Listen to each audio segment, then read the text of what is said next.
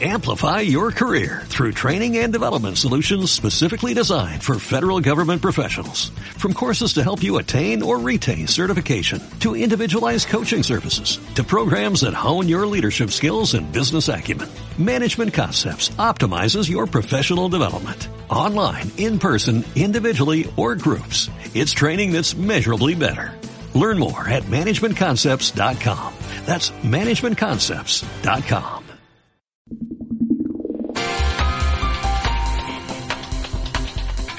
Temps de notícies, l'informatiu local. El taller ocupacional Espassur representarà l'obra Emocions el proper dilluns 2 de febrer a dos quarts d'onze al Teatre Ateneu. Les escoles de la ciutat, integrants de gent gran activa i altres entitats locals estan convidades a, assistir a aquesta representació. L'espectacle parla de l'amor, la por, la tristesa i l'alegria, emocions importants i necessàries a la nostra vida. Cadascun d'elles eh, desenvolupa una funció concreta. A vegades són emocions positives, d'altres negatives i d'altres emocions ens ajuden a vèncer dificultats. Però des d'Espassur consideren que a totes les hem d'estimar i per això han volgut donar vida i personalitat a aquests sentiments que ens acompanyen des del dia en què naixem. Així doncs, eh, fent el recordatori d'aquesta obra de teatre càrrec del taller ocupacional Espassur, el proper dilluns 2 de febrer, obrim avui el nostre informatiu, que també presenta els següents titulars.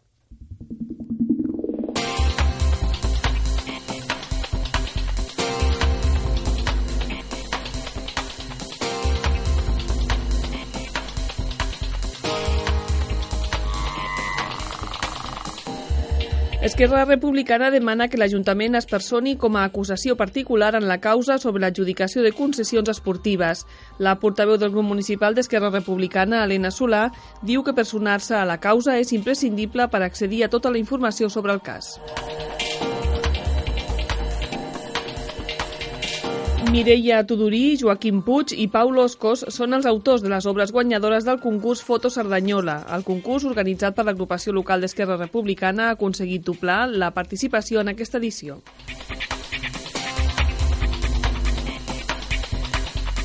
Podem Cerdanyola convida tothom qui ho vulgui a participar en una nova candidatura ciutadana a trobar-se en una reunió demà dimecres al Casal de Joves. L'objectiu és que les persones i col·lectius socials i polítics que desitgin la creació d'aquesta candidatura per assolir la victòria a les eleccions municipals participin de la creació des de zero. El caricaturista Joan Vizcarra i el pintor sardanyolenc Ramon Gutiérrez inauguren una exposició solidària a Calpinxo. Els dos artistes van realitzar divendres caricatures i retrats als visitants a la mostra a canvi d'un donatiu per al menjador solidari mossèn Rossell.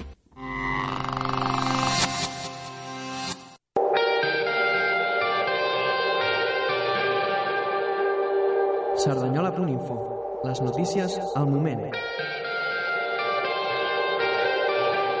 El diari digital de Cerdanyola. Tota la informació que t'interessa a l'ordinador. Entra-hi i sabràs què passa a la teva ciutat. Cerdanyola.info Les notícies al moment.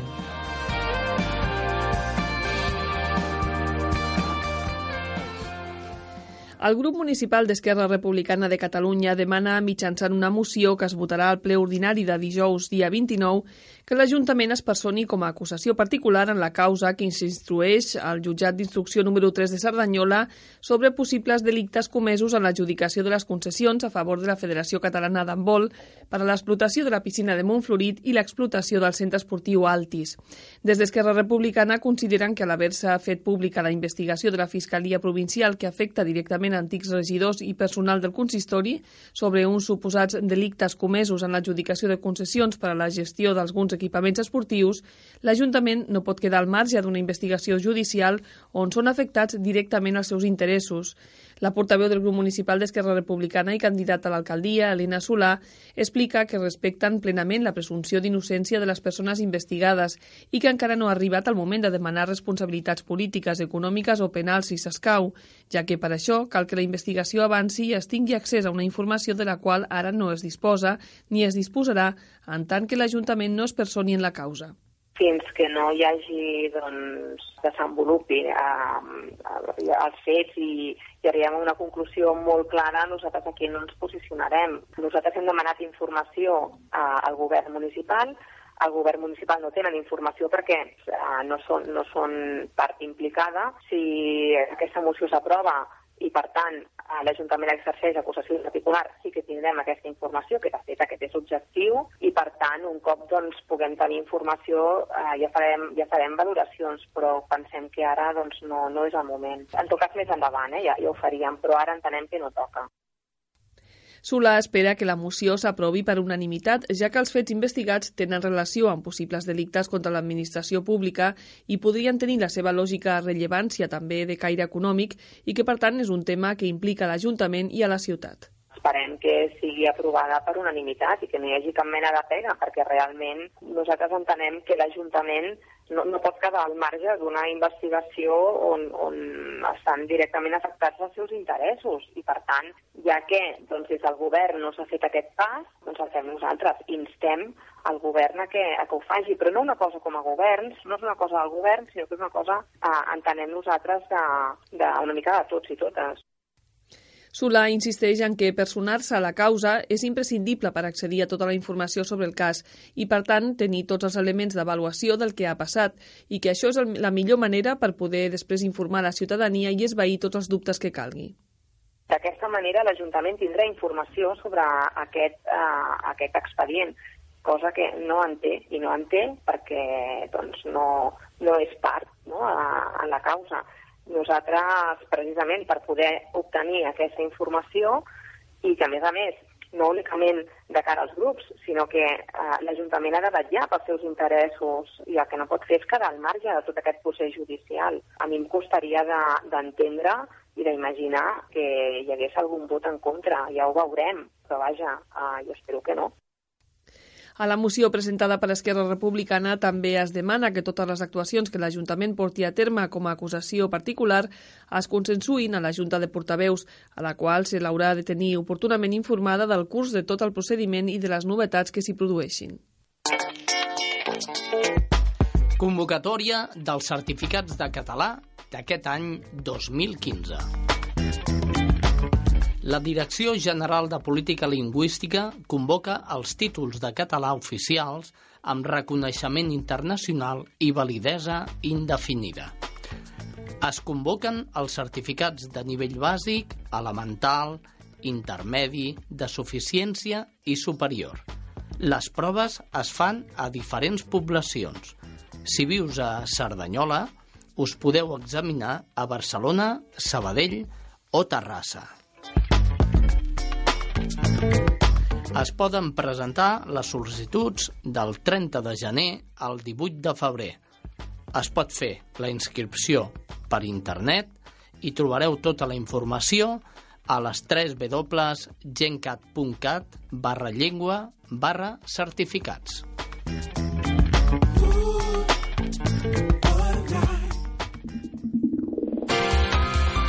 Temps de notícies.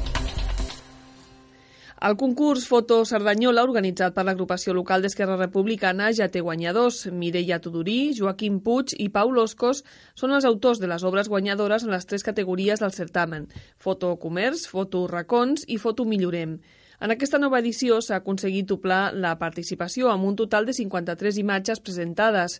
Aquest increment coincideix amb els nous canvis introduïts en el concurs que ha passat de ser exclusivament de fotodenúncia a tenir un caràcter més ampli en el que, a més d'assenyalar aquells aspectes a millorar del municipi, també s'intenta fer difusió d'alguns dels racons més especials de Cerdanyola o donar a conèixer el comerç i la restauració local. Així, aquest any s'han establert tres categories. Mireia Tudurí ha aconseguit el primer premi en la categoria de fotocomerç per la imatge Fem la carta als Reis. Joaquim Puig, amb records silenciats, ha estat el guanyador en la categoria de fotoracons i Pau Loscos, amb la imatge Per on passo sense entrebancar, ha estat el més votat en el Fotomillorem. Els guanyadors per votació popular recollien divendres a la seu d'Esquerra Republicana els seus guardons, un sopar per a dues persones al restaurant Capicua per a Tudorí, un val de compres per a la llibreria L'Aranya per a Puig i un berenar per a quatre persones a l'establiment Meriland per a Oscos. Des d'Esquerra Republicana a Cerdanyola feien una valoració molt positiva pel que fa a la participació aconseguida i els canvis d'aquesta nova edició del Fotodenúncia. Abans fèiem el que era el fotodenúncia, d'acord? En el 2013 es va fer ja el fotodenúncia i en aquells moments es van rebre eh, 28 eh, fotografies Enguany hem canviat una mica el sistema, no és només un fotodenúncia, sinó que ho hem volgut ampliar una mica més, d'acord, amb tres categories, que seria fotoracons, eh, fotocomerç i fotomillorem. En total hem rebut 53 fotografies, hem millorat una miqueta més. Enguany eh, també hem incorporat eh, diguéssim els nous medis de, per poder enviar-les que ha sigut per, a, a través del correu electrònic a través d'Instagram i del Twitter la portaveu del grup municipal d'Esquerra Republicana a l'Ajuntament de Cerdanyola, Helena Solà, explicava que aquest any van decidir canviar el contingut del concurs fent-lo en un to més, en un to més positiu sense allunyar-se, però, de l'objectiu inicial, que era posar de manifest aquells problemes detectats a la via pública per part dels ciutadans per solucionar-los. En aquesta edició 2014-2015 s'han ampliat les seccions del certamen i també les possibilitats per fer arribar la formació a les fotografies. El que fèiem Esquerra era el fotodenúncia, que era doncs, un una manera, un mitjà de, de denunciar doncs, allò que no ens agrada de la nostra ciutat, de Cerdanyola. Ara el que hem fet ha estat modificar una mica doncs, aquest contingut, fer-ho amb to positiu, en lloc de dir fotodenúncies al fotomillorem, eh, hem fet també el, el fotocomerç amb la voluntat doncs, també de, de fer difusió no? dels, dels comerços que tenim, dels diferents establiments i restauració que tenim a la nostra ciutat i per una altra banda Cerdanyola també té racons molt macos eh, tant a nivell doncs, en, dins aquesta categoria del, del fotoracons eh, incloïem el que podia ser arquitectura o podia ser racons eh, paisatges, racons naturals i aquests eh, ha estat doncs, el, els canvis que, que hem introduït aquest any. La veritat és que està molt positiu perquè hem tingut gairebé el doble de participació respecte a l'edició anterior. Solà assenyala que, a més d'haver-se incrementat la participació, també hi ha hagut un salt important pel que fa a la qualitat de les fotografies presentades. També en la secció de Fotomillorem, en la que a priori el més important és el contingut del que es denuncia i no tant la composició de la imatge. Precisament les fotografies presentades en aquesta secció s'enviaran, com és habitual, al govern municipal amb l'objectiu de que es puguin solucionar aquells aspectes de la via pública que es denuncien en les imatges però sí que veiem que potser a nivell qualitatiu de contingut ve a ser més o menys el mateix però a nivell qualitatiu eh, sí que s'ha millorat. I nosaltres pensem també que potser doncs, a, a l'Instagram ha fet doncs, que la gent comenci a aficionar-se a la fotografia no? o potser gent que ja és aficionada a la fotografia i que per tant ha decidit participar en el concurs perquè no deixa ser un concurs de fotografia. Però sí que és cert que a nivell de, de qualitat ha millorat respecte a edicions anteriors. Nosaltres el que farem ara és eh, doncs, totes les fotografies que estan dins de la categoria del fotomillorem les farem arribar al govern de, de la ciutat.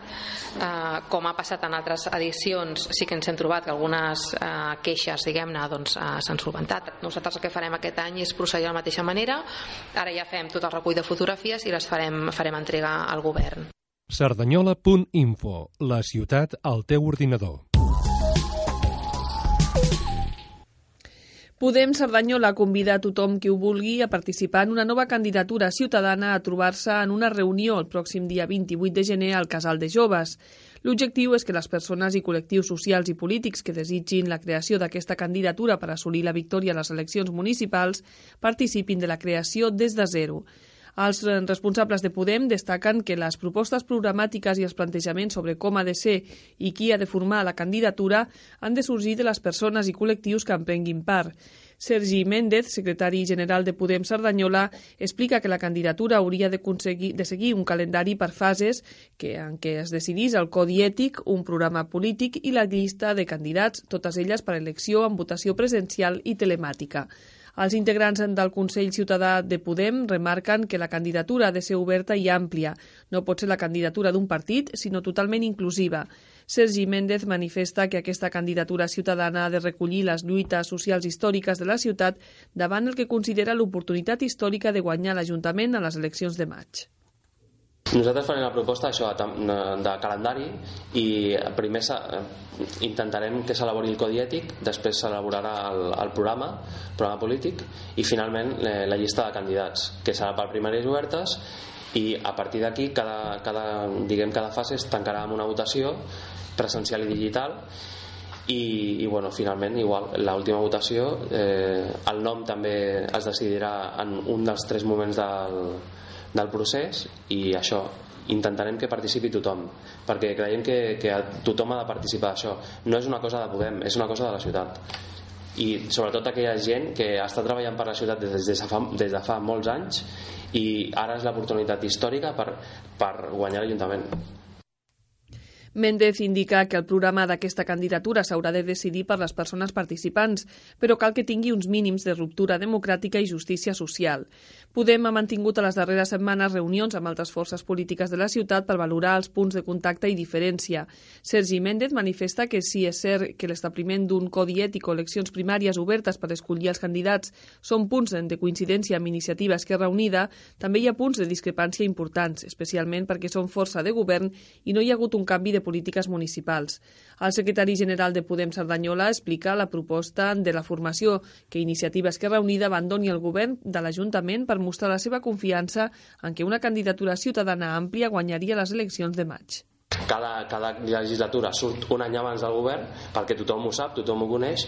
Encara hi ha gent que no ho sap però eh, és el partit que, que fa això i li vam fer la petició si sortiu aquesta vegada serà l última perquè aquesta vegada guanyarem. Si no sortiu és perquè no teniu confiança i penseu que no guanyarem.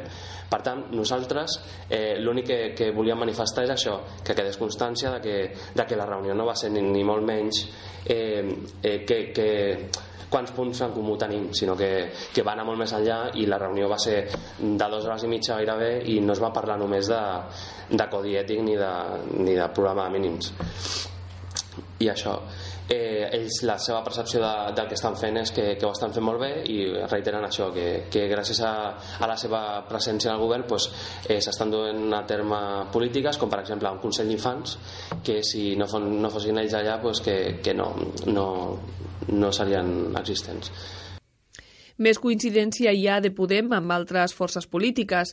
Méndez destaca l'entesa total en procés constituent i indica que hi ha molts punts eh, de, en comú amb compromís per Cerdanyola i les CUP, com la realització d'una auditoria ciutadana o les mesures de democràcia directa i participació real. No obstant això, Podem indica que hi ha algunes diferències que no haurien de suposar un obstacle per la col·laboració, com ara l'aposta de Podem perquè la candidatura ciutadana sigui una agrupació d'electors i no un partit, cosa a la que suposaria compromís per considerar que es malbarata el treball institucional de les candidatures alternatives del Vallès, les CAP. D'altra banda, el Consell Ciutadà de Podem destaca la bona participació que tindrà Cerdanyola en la mobilització prevista per al dia 31 de gener a Madrid per visibilitzar que el 2015 serà l'any del canvi de la decepció i la corrupció a l'alegria i la transparència. Sergi Méndez explica que ja hi ha un autocar totalment cobert per veïns de Cerdanyola i Ripollet per participar en la manifestació que enllaçarà Cibeles amb Sol de ser un exemple, eh, un dia on la indignació ha de, passar, ha de passar a ser alegria, perquè de la decepció passarem a la il·lusió. És, ha sigut l'any de l'estafa, el 2014, eh, de les retallades, de l'abús de les classes populars, de les preferents, de l'especulació, de la corrupció, i ha de passar, el 2015 ha de passar a ser l'any de l'alegria, l'any de la solució, de la gent corrent, de la participació, de la transparència i de l'ètica i això, doncs, fins ara eh, ja tenim l'autocar la, cobert no? ja està amb gent de Ripollet i, i nosaltres anirem tots a Madrid. Eh, la, la proposta des de Madrid era de portar escombres perquè cal, cal, escombrar, cal escombrar la capital i creiem que hi, ha, hi haurà moltes escombres perquè realment fan falta la nova direcció de Podem Cerdanyola ha començat a treballar després de l'elecció de Sergi Méndez com a secretari general i als membres del Consell Ciutadà. L'equip de Podem destaca l'agraïment a les persones que van votar en el procés electoral, remarca l'objectiu de mantenir el creixement del cens de la formació, que actualment està en 586 persones, i fa una crida a la unitat amb els membres de la candidatura derrotada, Podem Facta Non Verba. La nova direcció s'ha organitzat en comissions. Comunicació, difusió, premsa, finançament, logística, extensió, continguts i temporals. I manifesta el principi irrenunciable de radicalitat democràtica amb eixos bàsics en la participació, transparència i el dret a la ciutat i al medi ambient. Es caracteritza la, la radicalitat democràtica i sobretot eh, això, les, els tres eixos bàsics, no? la participació, la transparència i el dret a la ciutat i al medi ambient eh, això, exigim la transparència en tots els àmbits i processos eh, vetllarem pel dret a la ciutat pels serveis públics, per la igualtat, per la justícia social i per l'ètica com a fonaments de l'exercici polític La reunió del dia 28, demà dimecres, per a persones i col·lectius interessats en la formació d'una candidatura ciutadana per participar a les eleccions municipals es farà al Casal de Joves, al Passeig del Pont, a partir de les 8 del vespre. Temps de notícies. L'informatiu local. Well, I got a woman way over town that's good to me. Oh, yeah.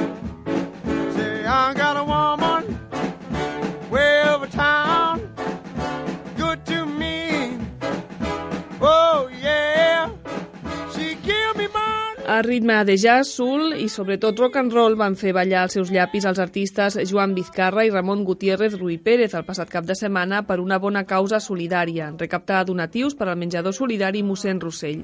El caricaturista Joan Vizcarra, molt conegut pels seus treballs a la revista El Jueves, així com a altres mitjans de comunicació, i el pintor sardanyolenc i responsable del taller Escola d'Art de la ciutat, Ramon Gutiérrez Ruiz Pérez, van inaugurar divendres passat una exposició conjunta dels seus treballs a Calpinxo i ho van fer d'una manera molt especial, oferint una caricatura o un retrat a canvi d'un donatiu per al menjador solidari i la proposta va ser un èxit.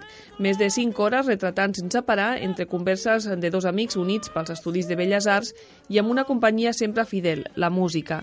Connexió entre els artistes, però connexió també amb les desenes de persones que no van voler perdre l'oportunitat d'aconseguir un retrat o una caricatura en un ambient que, segons Vizcarra i Rui Pérez, no oblidaran fàcilment. Proposta de l'amic comú, el senyor Juan Antonio Hidalgo, que ens va dir, hosti, si podem muntar tot això i tal, i nosaltres vam dir, bueno, perfecte, ara sabien el que és, a lo millor ens ho pensaríem, perquè clar, portem aquí des de les 6 fins a les 11 i mitja dibuixant com a descosits, això vol dir que ha estat un èxit rotund i brutal. Per mi ha sigut una trobada d'amics, no? Són vells amics de- d'estudis i, i amb l'amic comú de Juan Antonio, que també és... Bueno, Juan Antonio el coneixo abans de, de, de, de Vizcarra, no? Però o sigui, ha sigut una sensació molt... I de, després la connexió amb la gent ha estat molt, molt, molt humana i, bueno, i, els, i els dibuixos i, bueno, jo he estat encantat i el rock and roll eh, doncs, Sí, jo crec que s'ha creat un ambient eh, que el recordarem. En total es van aconseguir 500 euros en donatius en una jornada organitzada a proposta del periodista sardanyolenc Juan Antonio Hidalgo i recolzada pel local de restauració Calpinxo i que es destinaran al menjador solidari. Aquesta xifra, però, es podria incrementar ja que l'exposició dels dos artistes es pot visitar fins al 23 de febrer al local i es poden continuar fent donatius, ja siguin econòmics o d'aliments, així com també es poden adquirir còpies dels treballs exposats. Tot el que es recapti es destinarà al menjador. Veníem sense masses pretensions de cap tipus, diguem, i jo crec que ens ha superat a tots bastant el tema, eh? Això de, de portar des de les 6 fins a les 11 sense parar, jo feia temps que no ho feia, eh? Bueno, això ja fantàstic, clar, per supuesto. Ja, això ja, ja, ja es anava veient, no? Com, com, eh, a, a mesura que es anava veient la, la, la, la, la, la dimensió que agafava això, perquè tothom... Bueno, és que no han parat, o sigui, des de les 6 de la tarda fent dibuixos aquí. Llavors eh, jo ja pensava, hòstia, serà un èxit, perquè eh, serà un èxit per la causa, vull dir, o sigui, hi haurà bote, hi haurà bote, no? I, i sembla que, que està molt bé, no? Joan Vizcarra i Ramon Gutiérrez, un cop finalitzada la marató de retrats i caricatures, destacaven l'experiència com a un bon exercici per mantenir el feeling amb el llapis, tot un repte que van superar amb molt bona acollida per part del públic. Clar, nosaltres estem acostumats a tenir una feina com molt autista, no? Nosaltres estem tancant els nostres estudis, treballant en solitari, i clar, de cop i volta saltes al ruedo, diguem-ne, no? I t'enfrontes en viu i en directo, i aquí no hi ni trampa ni cartón. Sí, sí. O sigui que has d'anar per feina, i clar, la, la- la pressió que suposa això és, és important, diguem. Però bueno, són exercicis molt recomanables per mantenir una mica l'esperit i sobretot eh, la tensió, no?, de, Sí, el de feeling, feina. el feeling amb el llapis també, no? El, la superació, és com, un, és com un recte, no? En el fons, és com... Vull, sí, sí, jo el veig una mica així, no? Vizcarra i Rui Pérez van estudiar Belles Arts a la Universitat de Barcelona, però els seus camins en el món de l'art han estat molt diferents. Joan Vizcarra s'ha dedicat a la caricatura i és conegut pels seus treballs a la revista El Jueves, El Periódico, Interview, etc. Ha col·laborat també en altres publicacions com Buenafuente, The Rock, Open House, entre altres, i ha estat nomenat professor d'humor per la Universitat de Alcalá de Henares. Ramon Gutiérrez, en canvi, s'ha dedicat a la, una altra vessant artística, també molt centrat en el retrat, i amb una voluntat expressa d'explicar el món, però des d'una perspectiva molt més realista i naturalista. Amb només 16 anys va iniciar la seva formació en el taller de quatre pintors i el seu gran mestre va ser el seu pare, Juan José Gutiérrez, dibuixant aficionat. Gutiérrez combina el seu treball com a pintor, creant i exposant amb la tasca que es desenvolupa al seu taller Escola d'Art de Cerdanyola al carrer de Botés. Dos camins molt diferents però units per una amistat i que conflueixen en molts moments com ara a Cerdanyola per una causa solidària. L'exposició es pot continuar visitant fins al 23 de febrer a Calpinxo, al carrer de Sant Ramon 154. Temps de notícies. L'informatiu local. La Comissió de Treball de l'àmbit de la discapacitat del Consell Municipal de Promoció Social i de la Salut dissenya el pla de treball a seguir durant el 2015. La finalitat de la reunió era determinar el funcionament del grup de treball al llarg del 2015, establint objectius, organització i metodologia a seguir. La Comissió de l'àmbit de la discapacitat del Consell Municipal de Promoció Social i de la Salut ha servit per posar en comú les aportacions de les entitats membres de la comissió. Les diverses propostes es treballaran conjuntament per arribar per consens als objectius genèrics de l'any, als quals s'hi arribarà a través de diverses activitats que faran les entitats. El gran objectiu per al 2015 és la inclusió per a les persones amb diversitat funcional a la vida de la ciutat. La Comissió de Treball anirà rebent les diverses aportacions de les entitats participants per després de treballar-les col·lectivament i poder establir el full de ruta per l'any. Les persones reunides van escollir els representants per a participar al Consell Municipal de Comunicació, que properament es constituirà. També es van comentar aspectes relacionats amb la visibilitat de les entitats que treballen la diversitat funcional a la ciutat. Així es van comentar les possibilitats perquè les entitats que organitzen activitats puguin incloure-les en els canals de difusió municipals 2.0, Cerdanyola Ràdio o al diari digital cerdanyola.info i també a l'agenda de ciutat que es publica al portal corporatiu i s'envia per mail setmanalment. Aconseguir-ho passaria perquè les pròpies entitats facilitin als serveis municipals de comunicació les activitats que convoquen. També es va apuntar a la possibilitat que els mitjans de comunicació municipals entrevistin periòdicament a les entitats de la Comissió de Treball per ajudar-les en la seva visibilitat a la ciutat. L'actuació es proposarà a Cerdanyola Ràdio la petició que el digital cerdanyola.info reculli posteriorment una notícia resum de l'entrevista. En el decurs de la reunió també es va informar de la presentació de dissabte del projecte educatiu de Cerdanyola convidant a les entitats a participar-hi.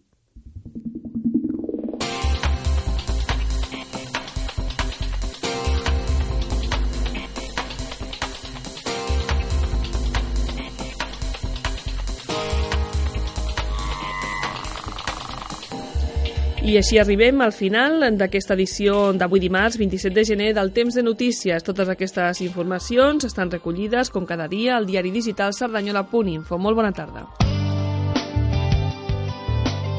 105.3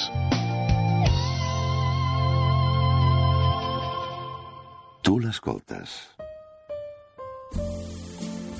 Ell l'escolta. Vosaltres l'escolteu. I nosaltres? Nosaltres la sentim. Cerdanyola Ràdio. Escolta la ràdio que sents.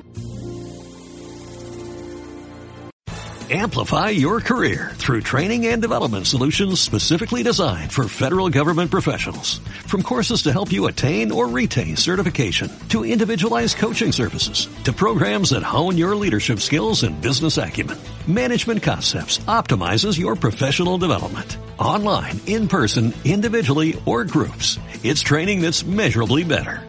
Learn more at managementconcepts.com. That's managementconcepts.com.